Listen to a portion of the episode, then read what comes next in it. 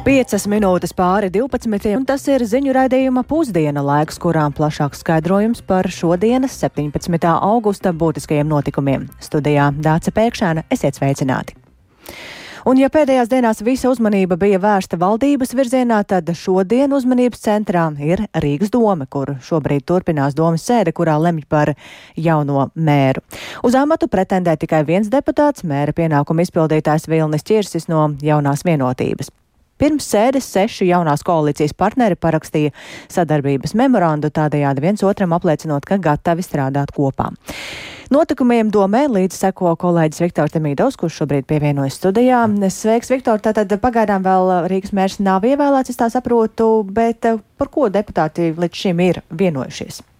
Jā, labdien! Tik tiešām mērs pagaidām oficiāli nav ievēlēts, bet tā tad seši politiskie spēki, kas ir jaunā vienotība, Nacionāla apvienība, Latvijas reģiona apvienība, gods kalpot Rīgai, deputātu bloks kods Rīgai, Latvijas attīstībai un tā tad arī kustības par deputāti šorīt parakstīja sadarbības memorandu, un tajā viņi vienojās raiti pildīt kopīgi izvirzītos mērķus. Pārējais ir vairāk tāds formāls, es teiktu, bet izcelši to, ka viņi ir vienojušies atjaunot frakciju padomi, kas būtu nu, kā tāds funkcionējošs mehānisms, lai nodrošinātu sadarbību ar visām ievēlētajām frakcijām. Pie darba prioritātēm viņi izceļ sadarbību ar ap pilsētas apkaimēm, biedrībām, turpināt ieviest pretkorupcijas un atklātības principus Rīgas iestādēs, sekmēt arī ārvalstu un vietēju investīciju piesaisti, Un viņi arī atbalsta pāreju uz vienotu, pieejamu un kvalitatīvu izglītību latviešu valodā. Arī atbalstīt sociāli maz aizsargātās iedzīvotāju grupas. Viņi apņemas to darīt, un tie ir tikai daži no piemēriem, kas ir tajā memorandā pieminēts. Un, Tātad tagad mēs varam teikt, ka Rīgā jauna koalīcija ir. Un, tā tad nu, pašā sākumā tu jau minēji, ka mēra amatam kandidāts ir izvirzīts Vilnis Čirsis no jaunās vienotības. Tas ir, viņš ir vienīgais kandidāts. Arī, kad sēde sākās pulksten desmitos, tad uh, vicemērs Edvards Ratnieks uzdeva jautājumu, vai ir vēl kādi pretendenti. Nav, nu tad viss, nu tad ir viens tikai uh, Čirsis. Un uh, kā tad šī jaunā koalīcija sauksies un kāds ir tas nosaukums? Čirsis pateica, ka šīs koalīcijas nosaukums ir sadarbības koalīcija. Atgādināšu, ka līdzšinējā bija pārmaiņu koalīcija. Un tad lūdzu vairāk paklausīsimies Vilni Čirsi no rīta tikšanās. Tieši vēlos izcelt vārdu sadarbība, jo, kā mēs redzam, bez sadarbības nekur. Pat ieviest pārmaiņas nav iespējams to darīt nesadarbojoties. Un tas arī ir tas, kas ir iepriekš pietrūcis šajā domē. Es vēlos pateikt paldies visiem sadarbības partneriem un ikvienam atsevišķi, ka jūs izvēlējāties iet ne pa vieglāko ceļu, jūs izvēlēties strādāt, nevis varbūt palikt malā un kritizēt, kas ir daudz vienkāršāk. Kolēģi, uz sadarbību! Jā, tā tad dzirdējām ķirsi un e, piebildīšu, ka mainīsies arī komiteju vadība. Tātad mājokļu un vides komiteju turpmāk vadīs Latvijas attīstībai, konkrēti frakcijas līderis Viesturs Zeps un savukārt sociālo lietu komiteju gods kalpot Rīgai, tātad Juris Radzēvičs, kurš ir frakcijas līderis. Un uh, maiņa ir notikusi, jo šīs iepriekš vadīja frakcija progresīvie. Tātad tās bija viņu divas vadītās uh, komitejas. Agrāk agrāk bija vēl tā prakt, nu, frakcija uh, par, par progresīvie, bet, uh, kā jau mēs zinām, par atšķēlās šon, mhm. šonadēļ, pagājušās nedēļas pašā pašā beigās svētdien vakarā.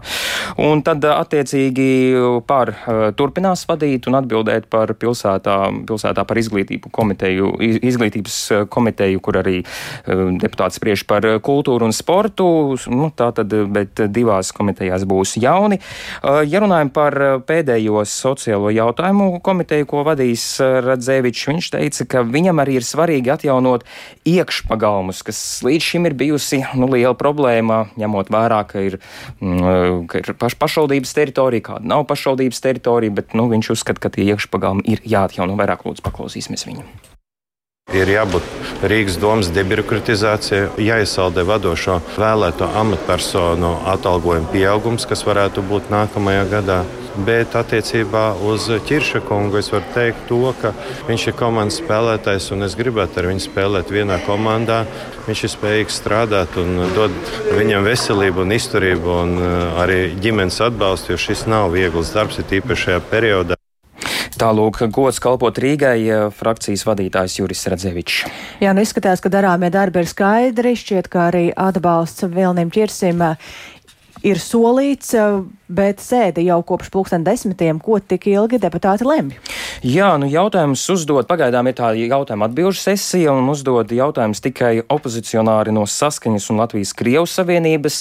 Es teiktu, nu, tie ir diezgan tādi loģiski jautājumi, bet cit, citreiz arī izskan tādi, nu, mazliet grib, gribas paķert uz zoba, jā, nu, tā kā, nu, tāds, tāds mazliet ir jūtams, arī izskanēja jautājums ķirsim, nu, kā tad jūs jūtaties šorīt, jā, nu, labi, jā, nu, tad kaut kāds nākamais tad jautājums seko, bet Bet tā ir, tā ir par satiksmes lietām arī uzdod, nu, kad beidzot mums vanš tilts būs, jā, nu, tad attiecīgi Ķirsis paredz, ka tas 25. gada, 24. Eh, gada beigās, nākamā gada beigās vai 25. gada sākumā sāks atjaunot. Nu, tie ir tāda veida uh, jautājumi, kad, kad brīvpusdienas būs skolā, nu, vairāk par, par viņa, mm -hmm. viņa kā mēra, jaunā mēra iespējām, jaunā mēra nu, darbiem nākamajiem, ko viņš izdarīs uh, iedzīvotāju labā. Piebildīšu, jā, ka uh, tā tad es biju pieminējis sešas politiskos spēkus, bet arī šim, uh, šim uh, nu, lielajam vairākumam ir pievienojums pievienojušies arī uh, līdz šim trīs neatkarīgie deputāti. Kāpēc saku līdz šim? Jo viens no viņiem, kas par spundi, ir pievienojies Nacionālajai apvienībai, Latvijas reģiona apvienības kopīgajam sarakstam, un divi tad arī ir apliecinājuši vēlmi tā, ka, nu, jaunajā koalīcijā 33 no 60 deputātiem ir, un tad sekosim līdzi, kā tas būs. Bet visticamāk, ka rezultāts jau ir zināms. Jā, noteikti sekosim. Paldies Viktoram par jaunāko informāciju no Rīgas domas. Tātad um, balsojums vēl nav noticis, bet viss liecina par par to, ka par Rīgas mēru tiks ievēlēts Vilnis Čirsis. Ko par to saka rīdzinieki un ko no jaunā galvaspilsētas vadītāja sagaida, to šorīt Rīgas ielās vaicāja Seinti Amboti. Rītā grumā Rīgas ielās daļa sastapto iedzīvotāju atzīst, ka politiskajām norisēm pilsētā vasarā seko pavirši, taču vaicājot, kā iedzīvotāji vērtē Viļņa ķirša no jaunās vienotības kandidatūru pilsētas mēra amatā, lielākoties aptaujātajiem ir viedoklis par politiķa piemērotību vai pretēji, kā arī iedzīvotāji ieskatā būtu labi, ja būtu vēl kāda kandidatūra, lai radītu konkurenci. Kāds viedoklis? Par ķirškungu, vai ir kaut kāds viedoklis kā rīzniekam, kā iedzīvotājiem? Nu, šajā situācijā es gribētu teikt, tā, ka ķirškungam ir liela priekšrocība tajā, ka viņš ir tomēr jau strādājis jau vadības līmenī, un tas ir ļoti pozitīvi. Politiski, vai viņš izpildīs visu to, ko mēs gribētu kā vēlētāji, tas ir liels jautājums, jo tomēr viņš tomēr ir vērtēts diezgan daudznozīmīgi. Manuprāt, šī mērķa nomaiņa principā neko būtiski nemainīs. Man tā šķiet. Jā. Es esmu neapmierināta, tāpēc es gribu atpakaļ Staču kungu. Tāpēc, ka pirmo reizi bija sajūta, ka Rīgā kaut kas sāk mainīties uz labo pusi. Nē, esmu tik pārliecināta par šobrīd ejo sastāvu. Es nezinu, grūti. Mēs vēl aizvien mēģinām tikt pāri tam šokam, ka mums ir, būs cits mērs. Negribās atkrist atpakaļ tur, kur bija, mēs bijām pirms diviem vai trim gadiem. Es nezinu, ja godīgi man neinteresē. Es īsti nesakoju līdzi. Pēc viss izskatās, ka mērs ir jāmaina. Jo Rīga izskatās ļoti slikti. Es pēdējā laikā pavadu daudz laika ārzemēs. Un uh, atbraucot, it sevišķi šogad kaut kā diezgan drūms skats. Es saprotu, Mērs ir pilsētas saimnieks. Savukārt, runājot par to, ko rīznieki sagaida no jaunā pilsētas mēra un kādām prioritātēm būtu jāpievērš lielāku uzmanību, Latvijas radio aptaujātie izceļ Rīgas infrastruktūru, ietvest ceļus un autostāvvietas, kā arī atbalstu sociālā riska iedzīvotājiem un turpmāku apkaimju kopienu stiprināšanu cilvēki ir prioritāte un uh, mainās infrastruktūra. Pilsēta paliek draudzīgāka ģimenēm, jebkuram iedzīvotājam. Viņa paliek nedaudz lēnāka, un uh, tas ir tas, ko es kā rīdziniece ļoti vēlētos redzēt. Ar visu to hausu, kas tur remonti visi reizē, un sastrēgumi un hauss. Un, un, un sabiedriskais, kā vēl tas ir bijis traucē ikdienā. Tie saraktie ceļi un viss, Jā. un tad sāksies skola, un tas būs baigais haoss pilsētā. Tur noteikti jutīs visi. Tagad, ko es redzu, salīdzinot ar eh, dažiem, pirms dažiem gadiem, ir ļoti daudz bezjumtnieku. Nu, ir ļoti liels kontrasts, es to redzu, jo es te dzīvoju pirms pieciem gadiem, un tagad atkal atbraucu mm. atpakaļ. Un ir ļoti liela atšķirība. Ir pēc Covid arī, kā daudz cilvēku pazaudēja darbu un, un mājas un viss tas, tāpēc tas ir diezgan svarīgi, man liekas. Tātad pirmā kārtām, lai šis te, nu, bataks ar ielām, kas mums ir šobrīd saveidojies, un tas sanāk viss vienopus, burtiski vienopus. Ja. Vienlaiks gan mēs visu centru izrokām, mēs uh, mēģinām remontēt uh, tramvajas lietas, mēs mēģinām, uh, protams, infrastruktūru labi iekārtot, mēs mēģinām uztaisīt rail baltiku, tas viss ir vienopus. Mm. Tas tomēr ļoti daudz no sanikta no cilvēks, tie, tieši kuriem vajag braukt ar automašīnu. Pārlieku liels slodzi infrastruktūrā. Jā. Kam jābūt tām prioritātēm jaunajam mēram? Ceļi noteikti. Un, nu, es nezinu, ļoti daudz kaut kā pamest to neremontētu eku. Tieši tādi grausti būtu jāsaka jā, kārtībā. Jā, jā, jā, tieši tā. Tāpat Rīgas iedzīvotāji vēl piebilda, ka tad, ja Vilnis Čirsis tiks šodien ievēlēts, turpmāk rīdzinieks sekos līdzi mēra darbiem, un neskatoties uz nepilnu termiņu mēra krēslā, viņa paveikto iedzīvotāji ņemšot vērā pirms vēlēšanām 2025. gadā. Sinti Ambote, Latvijas radio. Tas tātad iedzīvotāju viedoklis, bet ko sola jaunā koalīcija un Vilnis Čirsis, kurš tad visticamāk arī kļūs par jauno Rīgas atslēgu saimnieku? Radījuma sākumā jau pieminējām, ka viena no domas koalīcijas apņemšanās ir iesaldēt deputātu algas, bet kādas būs jaunā mēra prioritātes, par tām viņš vēl pirms ievēlēšanas šorīt izstāstījām kolēģim Kristapam Feldmanim programmā Labrīt. Paklausīsimies! Protams, ka tās būs numur viens ielas, tilti, jā, visa Rīgas infrastruktūra, kur arī ar izniekiem pēc dažādām aptaujām ir numur viens, jā, ko uzskata, kas ir eh, Rīgas galvenā problēma. Otrā lieta, kur man liekas, ir iepriekšējos gados, daudzos, pat nerunāju par trīs, domāju, pa visiem 30 gadiem, ir mājokļu jautājums Rīgā. Jā. Tātad gan esošo laba uzturēšana, tā skaitā teiksim, Rīgas nama pārvaldnieku darbības un tādas lietas, bet arī jaunu mājokļu būvniecību, jo Rīgā, ja mēs salīdzinām, salīdzinamies ar citām Baltijas galvaspilsētām, krietni mazāk tiek būvēti jauni dzīvokļi. Tie, kas šobrīd pērk teiksim, pierīgā, nu, tas cenu līmenis, viņi varētu atļauties arī Rīgā nopirkt dzīvokli jaunā projektā, bet to jauno projektu jau nav. Un tā ir viena no lielām problēmām.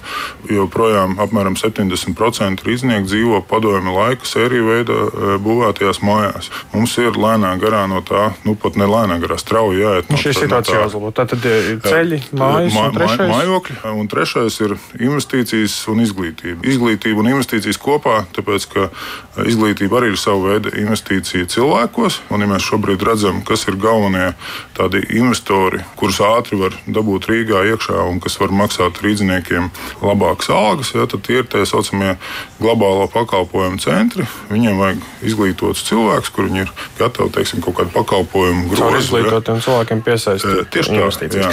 Protams, ka Rīgai ir ļoti daudz darba, ne tikai šie trīs manis izceltie. Jā, mums ir tiešām ļoti daudz un dažādi jautājumi jārisina. Viens ļoti liels un laikietilpīgs un arī finanšu ietilpīgs uzdevums, kas noteikti prasa arī kāda sabiedrības izglītošana, ir tieši ēku siltināšanas jautājums kā soks tieši ar šo ēku siltināšanu? Varētu e, sokties labāk, ceļš, ja mēs salīdzinām Rīgu ar citām Latvijas pašvaldībām, e, par Valmieru nemaz nerunājot, kur jau, man liekas, ap 70% vai tik nav jau nosiltināts. Un Liepā, jā, šeit noteikti ir vieta izaugsmē, kas ir varbūt Rīgas tāds gan priekšrocība, gan varbūt mīnus ir Rīgas nama pārvaldnieks, kas lausties šo namu apkalpo.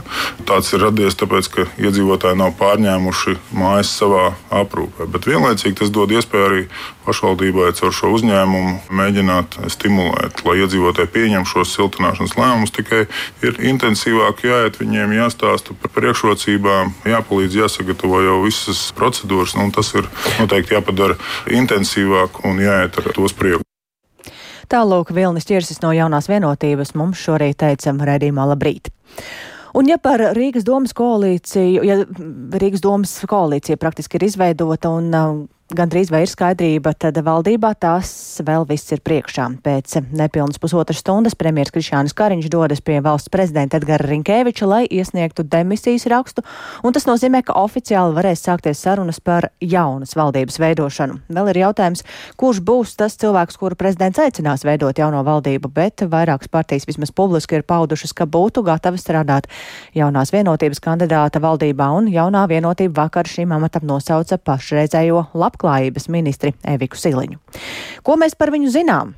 Jaunās vienotības virzītā premjera amata kandidāte Evika Siliņa ir no šīs partijas jaunās paudzes politiķiem, tāpēc nav tik plaši pazīstama kā tās līderis Krišjānis Kariņš, Arvils Ašerādens vai Ainārs Latkovskis. Tomēr Siliņa politikā nav jaunpienācēja, viņas ceļš uz varas virsotni ir vairāk nekā desmit gadus garš un īsu ieskatu tajā ir sagatavojusi Zāne Eniņa. Es esmu gatavs šos pienākumus uzņemties. Es esmu gan prasīga pret sevi, tie, kas mani pazīst, zina, bet es esmu prasīga arī pret citiem. Tā Evika Siliņa paziņoja vakar, kad partija jaunā vienotība viņu izvirzīja par premjera amata kandidāti. Evikai Siliņai ir izglītība tiesību zinātnēs. Latvijas universitātē iegūts bakalaura grāds un Rīgas juridiskajā augstskolā saņemts maģistra grāds, tā liecina publiski pieejamā informācija. Viņa bijusi advokāte, bet šo praksi apturējusi iesaistoties politikā. Evika Siliņa bijusi kādreizējā valsts prezidenta Valda Zatlera dibinātās reformu partijas biedre. Un pēc kandidēšanas saimas vēlēšanās 2011. gada nogalē kļuvusi par toreizējā iekšlietu ministra, vēl viena kādreizējā reformu partijas biedra Riharda Kozlovska padomnieci juridiskajos jautājumos. Nu, abi ir jaunās vienotības politiķi. Evika Siliņa turpinājusi kāpt pa karjeras kāpnēm, kļūstot par iekšlietu ministrijas parlamentāro sekretāri. 2018. gadā 13. saimas vēlēšanās jau kandidējusi no jaunās vienotības saraksta un 2019. 19. gada sākumā kļuvusi par ministru prezidenta Krišāņa Kāriņa parlamentāro sekretāri. Eviku Siliņu es pazīstu jau eh, tagad eh, daudzus gadus. Esmu eh, pēdējos četrus gadus ļoti cieši ar viņu strādājis. Pirmos četrus gadus viņa būdama parlamentārā sekretāra, kas nozīmē, ka premjeram labā roka pilnā vārda nozīmē ar visu saistīto. Pēc 14. sēmas vēlēšanām Evika Siliņa kļuva par labklājības ministri. Valdības sēdēs viņa bijusi viena no aktīvākajām, iesaistoties nevien tieši savas nozares, bet arī citu ar labklājības jomu pastarpināti saistītu jautājumu apspriešanā. Viena no dinamiskākajām un ļoti pieredzējusi arī politoloģijas Ivetes Kažokas skatījumā. Viņa labi zina gan kā tiek organizēta pārvalde, gan arī kā notiek lielā politika. Viņa arī bija ļoti cieši iesaistīta šīs jaunās koalīcijas tapšanas sarunās. Līdz ar to jautājumu par viņas politisko pieredzi īsti man nav. Politikā pieredzējusi un valdības darbā pragmatiska, Evika Siliņa tomēr nav emocionāli atturīga. Piemēram, Delfi TV runājot par traģisko atgadījumu Jēkabpilī, kad bijušais dzīves biedrs bērnu un mātes klātbūtnē nogalināja sievieti, kura pirms tam ilgstoši bija vajājis, ministre nespēja nespēja valdīt asaras. Šobrīd tajā situācijā jāatzīst, jā, mēs visi esam zināmā mērā kapitulējuši. Mēs esam izgāzušies. Katrs savā jomā arī es varu atzīt, ka es neesmu acīm redzot spējusi aizklāvēties. Man sāp. Un es domāju, tas ir ļoti grūti. Uh, jā, Nu, tas ir ļoti grūti dzirdēt, ka mēs stāstām par likumiem. Jāatgādina, ka Evika Siliņa, būdama labklājības ministre, ir aizstāvējusi Stambulas konvencijas ratifikāciju, kā valstiska līmeņa apņemšanos sargāt sievietes un bērnus pret vardarbību ģimenē. To viņa uzsvēra arī dienā, kad oficiāli tika nominēta kā jaunās vienotības premjera amata kandidāte. Zana Eniņa, Latvijas radio. Valsts prezidentam šodien Dienas kārtībā ne tikai pieņemt premjera demisiju, bet viņš arī sasaucis Nacionālās drošības padomas sēdi, kurā plānots vērtēt sodu politiku hibrīda kara apstākļos. To, ka pat labam cilvēkiem, kuri nodarbojas ar nelegālās migrācijas organizēšanu, sodi ir pārāk maigi, viņš atzina pēc viesošanās Latgalē un austrumu robežas apmeklēšanas. Un līdzīgi viedokli mums iepriekš pauda arī iekšlietu ministrs. Nelegālie robežas šķērsošanas mēģinājumi no Baltkrievijas puses strauji pieaug. Salīdzinot ar pērno gadu, tad to ir vairāk pat par tūkstoti. Tāpēc vairākās vietās Baltkrievijas pierobežā robeža apsardzība darbojas pastiprinātā režīmā, un tas nozīmē, ka robežu sargiem palīgā nāk arī bruņotie spēki zemesardze un policija. Savukārt robežas tomā dzīvojušie iedzīvotāji ir aicināti ziņot par aizdomīgām personām savā apkārtnē. Turpina valsts robežsardzes Daugopils pārvaldes priekšnieka vietnieks pulkveža leitnants Raimons Kublickis. Astoņiem mēnešiem tas cipars jau tuvojas 6000 kas ir jau vairāk, gandrīz par tūkstošu nekā bija visa pagājušā gada garumā. Tas liecina, ka nelegālās migrācijas spiediens uz valsts robežām un hibrīda apdraudējumu apjoms pieaug. Iedzīvotāji, kas dzīvo valsts robežas tūmā, ir informēti par mūsu darbībām, kā arī gadījumā, ja tiek novērot kaut kādas personas, aizdomīgas personas vai pārvietošanās transporta līdzekļi, visi iedzīvotāji tiek aicināti nekavējoties ziņot pirmkārt valsts robežsardzēji. Paldies! Mūsu iedzīvotājiem arī par iepriekš sniegto informāciju. Tas kontakts ir un tas ir patīkami, ka ir atbalsts no vietējiem iedzīvotājiem, jo mēs esam šeit, eh, bet mēs nevaram būt visur. Tas tātad robežsardzes Daugopils pārvaldes priekšnieka vietnieka pulkveža leitnanta Raimonda Koblīcka sacītais, un plašāka reportāža par šo tēmatu no Latgales būs redzījumā pēcpusdiena. Tikmēr Kanādā aizvien turpina plosīties vairāki simti savvaļas ugunsgrēku. Daļa no tiem tagad pietuvojušies ziemeļrietumu teritoriju lielākajai pilsētai Yellowknifei, un šī iemesla dēļ reģionā ir ieviests ārkārtas stāvoklis un izdots rīkojums par evakuāciju. Plašāk par ugunsgrēkiem Kanādā ir gatavs stāstīt kolēģis Rihards Plūme, kurš šobrīd ir pievienojies mums tiešaidē.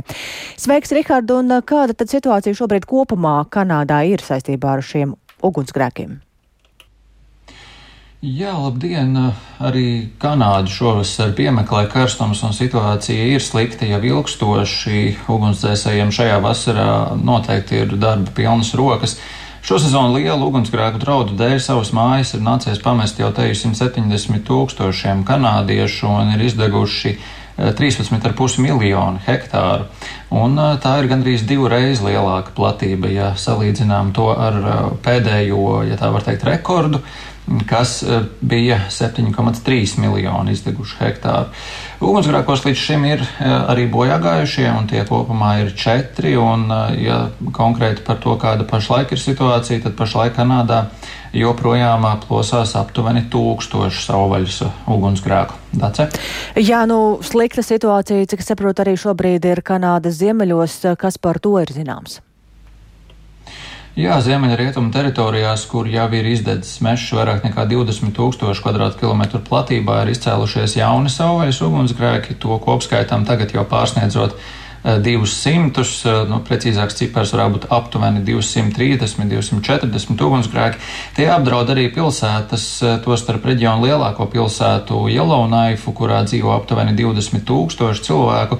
Un Jelaunaifa ārkārtas stāvoklis tika izsludināts jau šīs nedēļas sākumā, taču drīz vien tas arī tika paplašināts uz visu reģionu. Un uh, ugunsdzēsēji cīnoties ar stihiju dažās reģionu teritorijās arī bijuši spiesti atkāpties, jo spēcīgais vējš uzkurinājas liesmas, un tieši spēcīgais vējš ir tas, kas arī uh, sarežģīja šo cīņu ar meža ugunsgrēkiem un uh, izraisa arvien jaunus šajā reģionā. Sociālajos medijos un Kanādas televīzijā pārādītajos kadros arī uh, ir redzama oranža dūma, ka virs reģiona un uh, tumši dūma mākoņi virs daudzajiem mežu masīviem, kas reģionā ir. Ziemeļrietumu teritoriju vidas ministrs Šeins Tomsons ir norādījis, ka situācija ar meža ugunsgrēkiem ir pasliktinājusies un uz rietumiem no Jelonaikas degošais ugunsgrēks tagad rada reālus draudus pilsētai. Tas atrodas mazāk nekā 20 km attālumā no tās.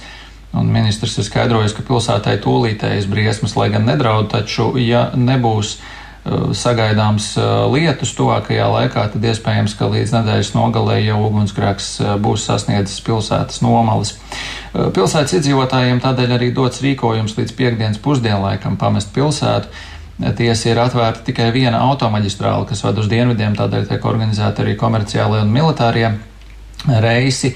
Arī vairākās citās pilsētās un pamatiedzīvotāju kopienās reģionā jau ir izdot rīkojumi par evakuāciju. Un ātri jābēg bija arī Grandprērijas pilsētas iedzīvotāji netālu no Lielās Albertas pilsētas. Natašai, kuras ģimene arī ugunsgrēkā zaudēja īpašumu. Paklausīsimies, kas viņai bija sakāms jau pēc evakuācijas.